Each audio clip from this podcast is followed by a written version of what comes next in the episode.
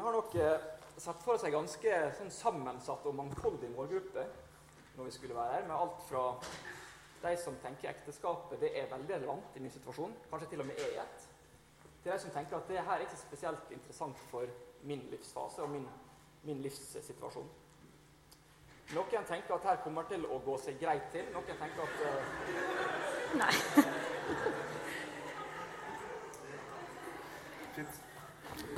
Er det greit nå?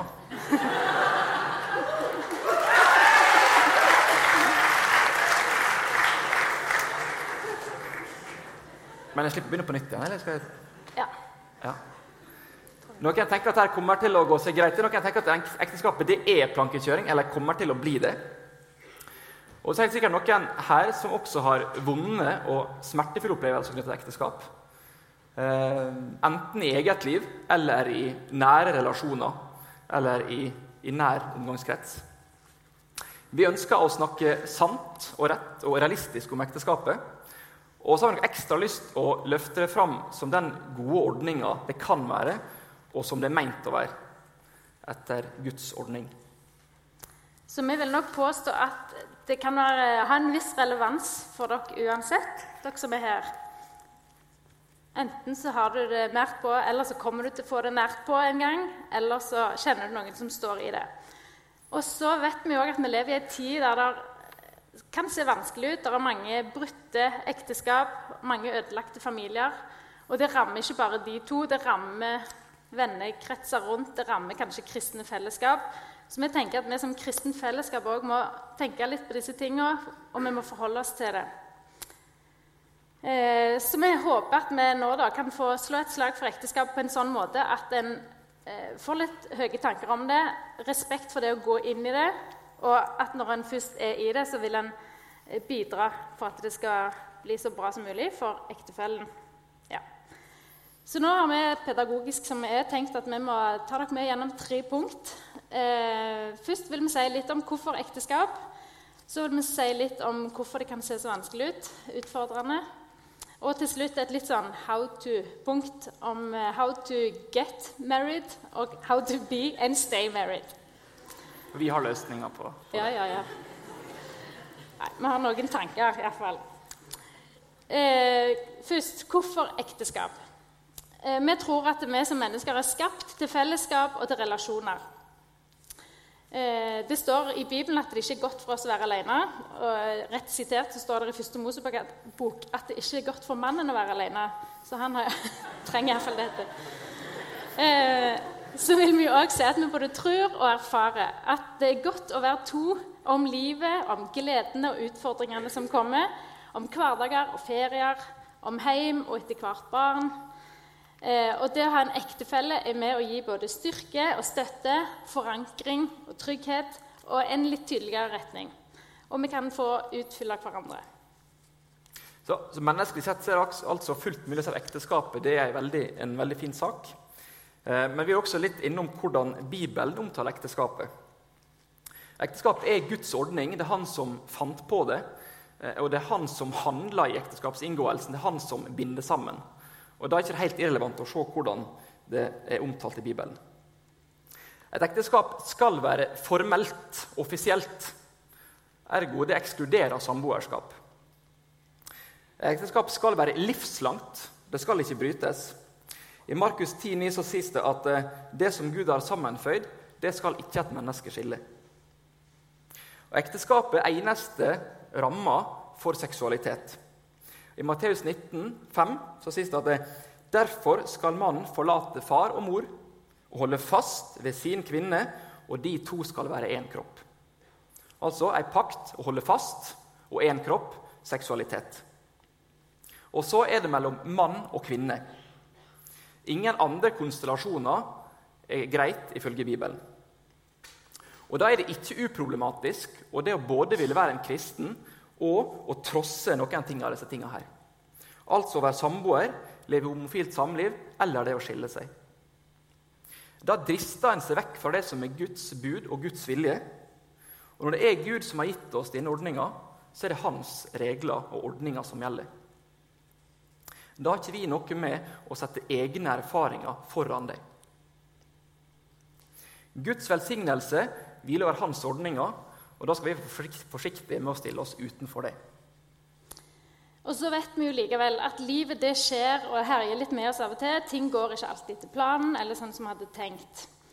Eh, det kan til og med gå ganske galt og til og med ende opp med vold eller andre eh, vonde ting i ekteskapet. Det kan foregå på fysisk eller psykisk plan eh, på en sånn måte at det faktisk til slutt kanskje ikke er forsvarlig å bli lenger. Eh, samliv er jo alltid mellom to syndere, så det er jo litt av grunnen til at det kan gå galt hen. Eh, og hvis det går så galt at eh, ekteskapet som var ment å være gode rammer, det føles kanskje heller som et fengsel. Ektefellen som skulle være en styrke, føles kanskje heller som en fiende. Og da tenker ikke vi at vi kan stå her og si at en for enhver pris må bli i et ekteskap.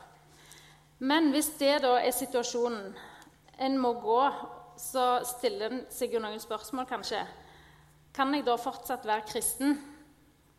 Um, og For å svare på det så tror jeg vi må ha med fire punkter. Uh, for det første så kan vi aldri forsvare noe som er galt ifølge Bibelen. Ikke engang om vi sjøl bryter det. Og det er egentlig et paradoks når vi i vår tid uh, er opptatt av å stå for det en mener, eller står for det en gjør. Eh, liv og lære skal henge sammen. Men som kristne så kan vi ikke alltid stå for alt det vi gjør, for vi gjør ting som bryter stadig. Eh, jeg kan ikke forsvare egoisme selv om jeg bedriver det av og til. Jeg kan ikke forsvare skilsmisse selv om det skjer.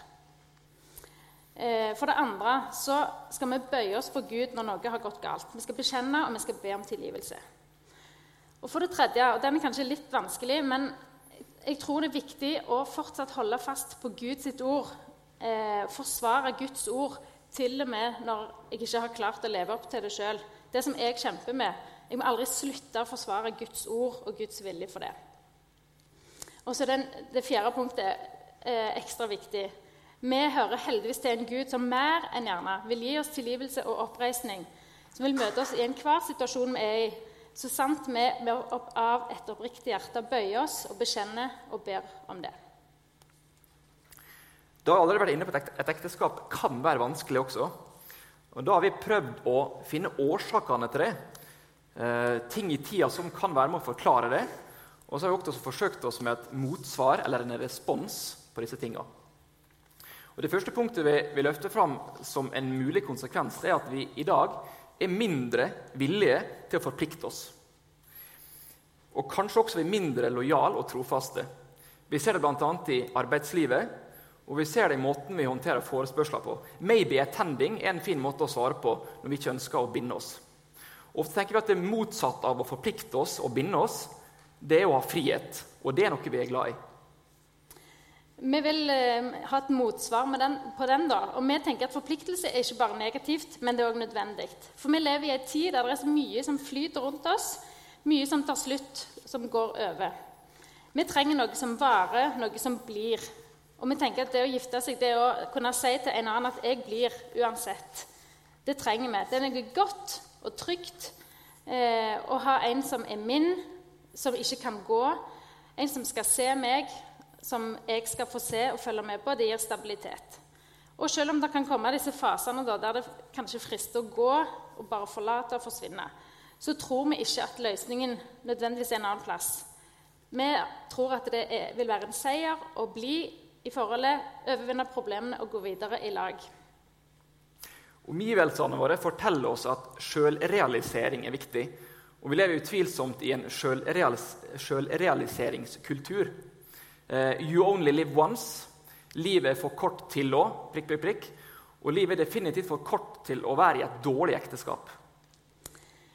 Den vil vi utfordre litt. For vi tenker at selvrealisering, hvis en trekker det et stykke, så kan det bikke over til grådighet, eh, en kan ende opp med at vi går rundt her og er innkrøkt i oss sjøl, og at vi stagnerer. Hvis vi i for liten grad ser andre, så vil ikke vi sjøl heller utvikle oss. Så vi må snu litt på tanken og oppdage gleden og velsignelsen med å elske og bry oss om andre. Og realisere den andre. Så finn kreative måter å gi videre det du har på. Og prøv å alltid stå i en sånn giverposisjon. Eh, så kan en tenke, altså Når en har unger, da, så vil en alltid gjøre det en kan for å realisere de. Det kommer kanskje enda litt mer naturlig, men prøv å tenke litt sånn i et eh, forhold og ekteskap òg.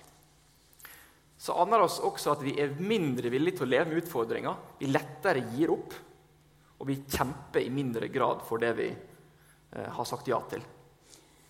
Eh, da tror vi at vi nettopp trenger å bli mer kjempende. Folk som tåler.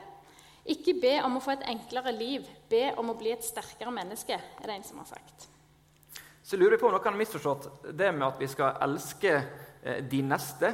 Eh, og forstått det som 'elske den neste'. Det er ikke helt riktig forstått. Eh, og En tenker ofte at lykka er et annet sted, eller at gresset er grønnere på den andre sida. Vi tror at vi blir lurt hvis vi alltid tror at det blir bedre med den neste hele tida. Om det så er partner eller ny bil eller hva det måtte være. Vi ser stadig etter lykken på den andre sida av gjerdet. Men det er også noen som har sagt at gresset er bare grønnere på den andre sida av gjerdet hvis vi ikke vanner på vår egen side. Eh, en D-kjendis fra Sunnmøre sa en gang Bytter du kone, bytter du bare problem. Eh, det er noe det var, det var ikke jeg som sa det. Du bare siterer han. Ja da. Eh, vi tror ikke alltid at lykken er en annen plass. Vi tror kanskje at lykken og det en faktisk er ute etter, det er innenfor rekkevidde. Vi driver nok ofte og går over bekken etter vann og ser ikke skogen for bare trær osv. Så, er vi nok kravstore og utålmodige, og vi er dårlige på å utsette behovstilfredsstillelse. Kvalitet erstattes med kvantitet. Mange kontakter, eh, mange likes, mange partnere. Og Da tenker vi at det er på tide å senke tempoet litt, øke denne tålmodigheten litt og erfare at kvalitet ofte tar tid. Vekst tar tid. Og mye viktigere enn fasade og mange likes og tempo, og alt dette her, så tror vi at det er viktig med slitestyrke, dybde, varighet og substans. Og Husk at Bibelen også utfordrer oss på disse tingene. Eh, vi blir utfordra på tålmodighet, det å vente og det å tåle. Det er dere som er opptatt av interiør, mote, eh, frisyre, eh, tenker at forandring fryder. Vi tenker at i enda større grad så vil forankring fryde. Noe varig, stabilt og gjenkjennelig. Det var noen ting i tida eh, som vi tenker på. Og så har vi også lyst til å, å komme med noe som da ikke skal Eh, eller er en åndelig dimensjon i det som vi heller ikke skal undervurdere. I Johannes 10,10 10 så står det Djevelen, skråstrek tyven, er kommet for å stjele, myrde og ødelegge. Det kan han også definitivt gjøre på mange fronter, men også i ekteskapet. Et brutt ekteskap har store konsekvenser både for den, de to det kan gjelde, både for en familie, en storfamilie, et vennefellesskap og menighet. Og samtidig som vi ikke skal undervurdere den vonde og det han kan eh, finne på, så kan vi samtidig få glede oss over at han er beseira. For vi har løfter om at Jesus eh, vil være med oss, og han vil gi oss liv og overflod. Vi får tilhøre fredens Gud, tilgivelsens Gud, forsoningens Gud, som har mer enn lyst til å gi oss oppreisning. Dette skal vi heller ikke undervurdere, men benytte oss av i ekteskapet òg. Eh, da vil vi si litt om how to. Da starter vi med how to get married. Og da har vi tenkt litt sånn eh, Hvordan kan en tenke før en går inn i et forhold eller et ekteskap? Og det første, da Vær for all del til stede i ditt eget liv, i din fase. Ikke tenk at eh, fram til en gift så er det bare ventetid. Nei, fasen du er i, er fullverdig.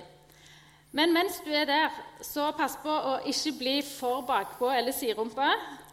Men heller ikke for frampå og ivrig, sånn at du framstår som veldig desperat. Og så vil vi utfordre litt på det å ta sjansen. Eh, det er ikke alltid sånn at en er skråsikker på disse tingene her. Så det handler ofte om å ta en sjanse, tørre å bli sammen, men òg tørre å gjøre det slutt hvis det blir nødvendig. Og så eh, kan det være greit å vite at det er veldig vanlig, særlig for jenter, med mye føleri og følere i starten. Eh, guttene er kanskje litt mer sånn enkle og ukompliserte der. Litt ukompliserte her, altså. Eh, Vi har lyst til å understreke viktigheten av det å ha realistiske forventninger til et forhold eller til et, etter hvert et ekteskap. Det er definitivt lov å være kravstor. Det er tross alt et av de aller viktigste valg, valgene du gjør i livet, og da skal det være veloverveid og gjennomtenkt. Samtidig er det neppe slik at det, det er en som kan innfri alle dine ønsker, behov og begjær fullt ut til enhver tid. Og Hvis du som mann eller gutt er her i kveld og tenker at en er gift, så kommer det til å bli intim omgang to ganger til dagen i ukedagene og tre ganger til helga, så kan det være at du blir skuffa. Har du urealistiske forventninger, så er det umulig å unngå å bli skuffa. Kanskje kan en gyllen 80-20 %-regel være noe å følge. Altså at ektefellen din kanskje kan oppfylle inntil 80% av det du ønsker, men neppe alle så er det også snakk ofte om å finne den rette og den som en er meant to be sammen med. Eh, den har vi lyst til å utfordre litt. Hvordan, eh, hvordan, vite det? Kanskje vi heller kan få lov å tenke at det er Gud som er den rette. I Matteus 6,33 så står det 'Søk først Guds rike',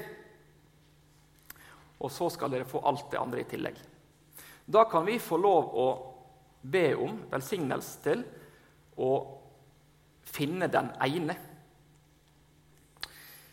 Og mer opptatt av om vedkommende som vi er sammen med, eh, er meant to be, så kan vi være meant to Eller skal, kan vi få uh, være opptatt av hvordan ekteskapet er meant to be. Og det er jo det vi prøver å si noe om her nå. Et annet råd vi ønsker å gi, det er at du vurderer nøye hvilke kriterier du setter for ektefellen din. Høres rart ut, kanskje. Eh, og enda tydeligere hva kompromiss som du kan være villig til å inngå. Det kan være greit for å gå for en annen hårfarge, til og med frisyre. Eh, men, men noen ting er det greit at du har tenkt nøye gjennom på forhånd. I den en velger, får en forhåpentligvis mange ting av det en ønsker seg, men neppe alt. Så det er ikke nødvendigvis sånn at eh, bosted, eh, svigerfamilie, eh, kall, verdier, eh, framtidsplaner alltid harmonerer 100% med det du hadde sett for deg. Det kan være at vedkommende oppfyller noe som ligner på 80% men det kan også være enkeltfaktorer som alene er med på å sprenge de 20 vi tipper kanskje at det er en del av dere som er her nå, som har kristen ektefelle langt opp på ønskelista. Og det eventuelt velge en som ikke er kristen, det kan være et sånn kompromiss man går, går, inn på da. Det å velge seg en kristen ektefelle er definitivt til stor glede og styrke for et forhold på mange måter. Og for noen, kanskje ganske mange, så kan det være helt avgjørende for om en sjøl blir bevart. Så tenk nøye gjennom akkurat dette. Eh, det er ikke sikkert du skal kompromisse her. Det er lett å tenke at det kan gå bra. Kanskje til og med han, hun kommer til å bli kristen. Og det kan skje, eh, selvfølgelig, men ikke baser valget ditt på det. Eh, og hvis en likevel har en sånn type forhold, så tenker jeg det kan være lurt å gjerne få noen med til å være med og be for dere litt sånn ekstra. Eh, ja. Vi prøver å snakke litt forsiktig om dette, men føler likevel at noen må si noe om det. Og det er veldig godt ment. Så litt om timing. Eh, ikke forhast dere videre til neste steg hvis dere er i et forhold og begynner å vurdere ekteskap. Det er ikke nok at bare den ene er klar. Begge to må være klar. For det er et standpunkt som begge to skal gå 100% for. Eh, heller ikke vent unødvendig lenge. På et eller annet tidspunkt må en våge å ta det valget og være klar til å stå for det. Så vil vi si litt om 'How to be and stay married'. Vi starter med et sitat fra Trygve Skau, som sier Bedre enn å si 'jeg elsker deg' og mene det, er å si 'jeg blir hos deg' og gjennomføre det. Og det tror jeg er sant. For realistisk sett så kommer det onde dager som en allerede blir forespeila når en går inn i ekteskapet i kirka. Og De onde dagene de kan vel komme i ulike grader, ulike farger. Det kan være lysegrå dager, eller det kan være fullstendig krise.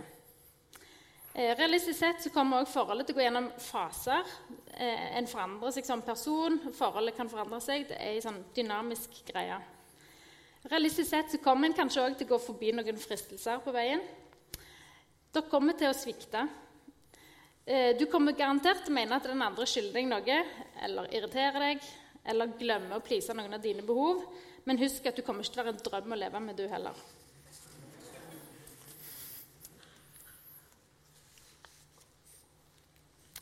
Hva er det så som kan styrke forholdet? Eh, og vi vil særlig si at det å ha kristne venner eller et fellesskap hvor en kan snakke om ting med og dele ting sammen med, er kjempeviktig. Fellesskap som kan støtte forholdet ekteskapet, hvor en kan gjenkjenne, hvor en kan få eh, avdramatisere og forstå, og også gi konstruktive råd og utfordringer. Og også hvor en kan be sammen for hverandre. Eh, her vil dere utvilsomt lære mer både om ektefellen eller kjæresten, og også om dere sjøl. Så vil vi si litt om det eh, å leve som mann og dame i lag. Da. Det er jo forskjeller der, både til glede og frustrasjon. Eh, hvordan kan en leve godt med det, løse det og forholde seg til det? Vi er både skapt forskjellige, vi er født forskjellige og fungerer forskjellig. Både fordi en er mann og dame, men òg bare fordi en er to ulike individ. Eh, så vi har tenkt litt på å merke oss gjennom tida nå. Litt sånn, kanskje litt karikert, da, men hovedtrekk, hovedforskjeller på menn og damer. Menn er ofte løsningsorienterte. Damer er kanskje litt mer følelsesorienterte. Menn kan være i litt større grad enn damer ukompliserte, mens damer kanskje er litt mer komplekse. Og det er ikke det samme som komplisert. Kan ligne veldig. Menn er ofte litt mer orientert mot aktivitet, interesser og yrke, mens damer er litt mer relasjonsorienterte. Og så vil han òg i et eh, forhold eller ekteskap merke seg eh, forskjeller som går på ønsker, behov og verdier. Eh, en snakker kanskje litt ulike kjærlighetsspråk. Det er ikke alle som har så bredt repertoar der. Eh, en kan være introvert, ekstrovert. Eh, det er forskjeller på hva som gir og tar energi. En kan ha ulike tanker om penger, fritid og tidsbruk osv. Og For å likevel da få dette her til å fungere, så er det veldig viktig med god kommunikasjon. Og Det vil Øystein gjerne si litt om. Mm. Skal en si noe om kommunikasjon, så er det relativt vanskelig å komme utenom eh, Eller om ekteskap skal være vanskelig å komme utenom kommunikasjon. Eh, og Der vil jeg oppfordre dere til å tenke at det er ikke noe som begynner når en blir gift. Eh, det er det viktig å snakke om lenge før det, og gjerne også før problemer oppstår. Lær dere å kommunisere sammen, både når ting er lett, og når ting er vanskelig. Noen enkle tips. Kommuniser både på den egne og andre sine premisser. Språk, parentes kjærlighetsspråk. Ta den andre på alvor, synspunkt og følelser og ønsker, selv om en aldri, eller ofte, ikke helt klarer å forstå imøtekomme og tilfredsstille. Vær oppmerksom på hverandre sitt humør, eh, sin energi og sin dagsform. For det kan variere hos de fleste av oss. Legg godviljen til og ta den andre i, i beste mening. Etterstreb etter å forstå den andre. Så er det også greit å prøve å holde kranglinga innenfor rimelighetens grense. Øv på å si unnskyld og øv på å tilgi. Og så høres det kanskje litt rart ut, men av og til er det faktisk helt greit å gå videre med å være enige om å være uenige. Så tror vi at mange er ganske flinke til å vise seg fram fra sin beste side når en er på leit og utkikk, kanskje i starten av et forhold. Eh, da er det gjerne viktig å imponere litt. og sånn. Men etter hvert som en kommer litt lenger inn i det og nailer forholdet litt mer, kanskje kommer seg et stykke inn i ekteskapet, så kan en kanskje bli litt mer grå. Kanskje til og med litt ufin eller uhøflig av og til. Og en kan kanskje tenke litt lett at det, han kan ikke stikke uansett, så jeg trenger ikke jobbe for å holde på han. Men det, det, det En eh, lever ikke så godt sånn i lengden. Og det står noe i Bibelen om å vinne ektefellen i hellighet og ære. Eh, det tror vi ikke gjelder bare når en skal finne seg en ektefelle, men gjennom hele ekteskapet. Så oppfordringen er Fortsett å vise fram dine beste sider langt inn i ekteskapet. By på deg sjøl. Ikke slutt å være bra eller attraktiv hvis du får til det. Spill deg sjøl god og vær den beste versjonen av deg sjøl. Og så, I tillegg så er det viktig å spille hverandre god. Spille god den andre. Få fram det beste. Eh, vær interessert og nysgjerrig. Ikke tenk at det er en trussel hvis han er bedre på noe. eller Det er en berikelse. Vi vokste fra hverandre, kan en høre folk si. Og det kan skje hvis en glemmer å involvere seg i den andre sitt liv, engasjement og interesse. Eh, men ikke vær redd for ulikheter eller utvikling. Prøv å finne ut av dem, forstå dem og øve dere på å sette pris på dem. Noen ektepar må nok jobbe mer med dette enn andre, rett og slett fordi noen velger etter prinsippet 'like barn leker best', mens andre velger etter motsetninger tiltrekker hverandre så er det noen som sier at man høster som man sår. Og Hvis det gjelder også i et ekteskap, så er det viktig å dyrke det gode. Eh, jeg tror det kan handle både om fokus og energi. Fokuser på og bruk energi på det som er godt, berikende og konstruktivt for forholdet. Da er det det som vokser. Hvis du derimot fokuserer på det som er galt, negativt, gale tanker, fristelser, mønster osv., osv., da er det det som vil vokse. Selv om følelser ikke er så lette å styre, så kan vi styre tankene våre. Det står i Bibelen at vi kan ta enhver tanke til fange under lydighet mot Kristus. Eh, så vi skal styre tankene våre litt. Og vi tenker at det som blir dyrka i tankelivet vårt, det vil påvirke det som foregår i følelseslivet. Og En sånn god tanke som en kan dyrke og ta med seg inn i de aller fleste relasjoner, det er 'gi mye og tål mye'. Det er en sunn tanke. Og Dersom en tåler mye, så holder en ikke regnskap. Personlig så er jeg glad i regnskap, men jeg prøver prøver å legge det fra meg i ekteskapet og være mindre opptatt av hvem det er sin tur til å. Nå har jeg gjort det, nå må, nå må hun gjøre det. Eh, ikke tenk ytelser mot ytelser. Og så er det kanskje litt upolitisk korrekt, nei, politisk ukorrekt å si det, men ikke tenk likestilling i, heller i ett og alt. Um, jo mer utfyllende og komplementær en er, jo mer robust kan et ekteskap bli. Så blir neste spørsmål i et robust ekteskap, hva finner vi der? Hva hører med i et fungerende ekteskap? Og Et minimum er faktisk at en får til å planlegge organisere og gjennomføre helt elementære ting. I et ekteskap blir det en del av det. Samtidig er det viktig å ikke bare bli kollega. Ikke bare bli skulder ved skulder, men også ansikt til ansikt. Et, et ekteskap skal inneholde vennskap, romantikk og intimitet. Så er det uvurderlig viktig å aktivt velge tid med hverandre. Ha god tid til å snakke sammen, gjøre ting sammen, Ta et avbrekk fra dagliglivet og bruk tid med hverandre. Bilen trenger service. Det gjør også ekteskapet. Og det trenger å bli prioritert. Så vil vi bevege oss mot en avrunding. Avslutningsvis ta med noen tanker rundt et par bibelsteder. Eh, først en gjenganger fra Efeserne 5, som ofte kommer opp i forbindelse med dette temaet. her.